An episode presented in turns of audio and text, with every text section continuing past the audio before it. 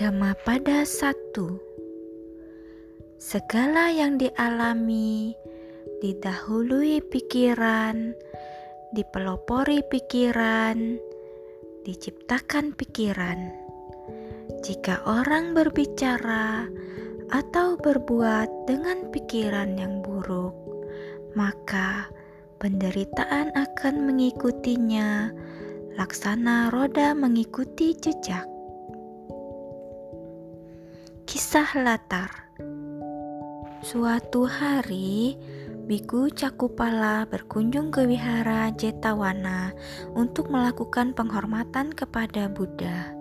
Malam harinya, saat melakukan meditasi jalan, tanpa sengaja ia menginjak banyak serangga.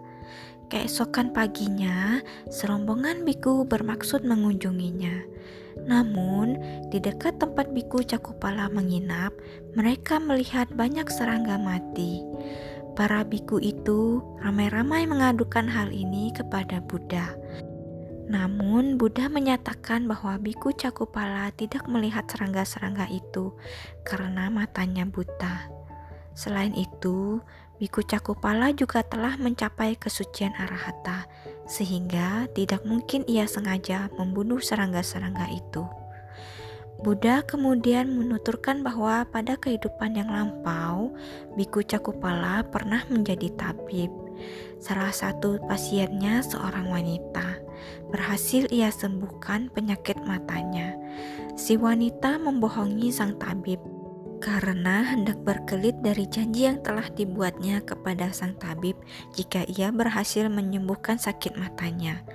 Karena marah, sang tabib akhirnya memberikan obat lagi yang akhirnya membutakan mata wanita itu. Buddha menutup kisah itu dengan ayat ini. Segala yang dialami didahului pikiran, dipelopori pikiran, diciptakan pikiran jika orang berbicara atau berbuat dengan pikiran yang buruk, maka penderitaan akan mengikutinya. Laksana roda mengikuti jejak.